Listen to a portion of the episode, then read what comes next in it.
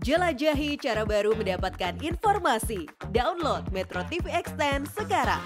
Sebagian besar mantan aktivis 98 kecewa dengan manuver politik Budiman Sujatmiko yang tiba-tiba mendukung bakal calon presiden Prabowo Subianto. Manuver Budiman dinilai pragmatis, pasalnya Prabowo dinilai memiliki dosa pelanggaran HAM di masa Orde Baru.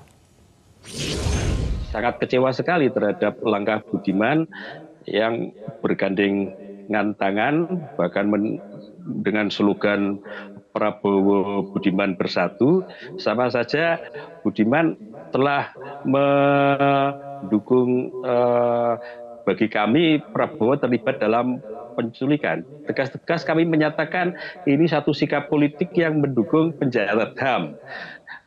Budiman sangat mengecewakan, uh, mengkhianati kami teman-temannya yang dulu berjuang di Partai Rakyat Demokratik dan juga keluarga korban penculikan khususnya dan pada umumnya uh, para korban pelanggaran HAM secara umum juga kecewa karena ini berbicara uh, masa lalu eh, kasus-kasus uh, pelanggaran HAM uh, ada permohonan dari Budiman untuk ditutup lupakan masa lalu kita tidak punya utang masa lalu tetapi hmm. kita punya utang masa depan dan ya. menganggap Prabowo adalah figur yang tepat untuk menyambut tantangan Indonesia ke depan, ada tantangan geopolitik, ada usaha-usaha Indonesia melompat menjadi negara maju. Itu adalah narasi-narasi yang dibungkus oleh Budiman untuk membenarkan dirinya uh, agar bisa bergabung dengan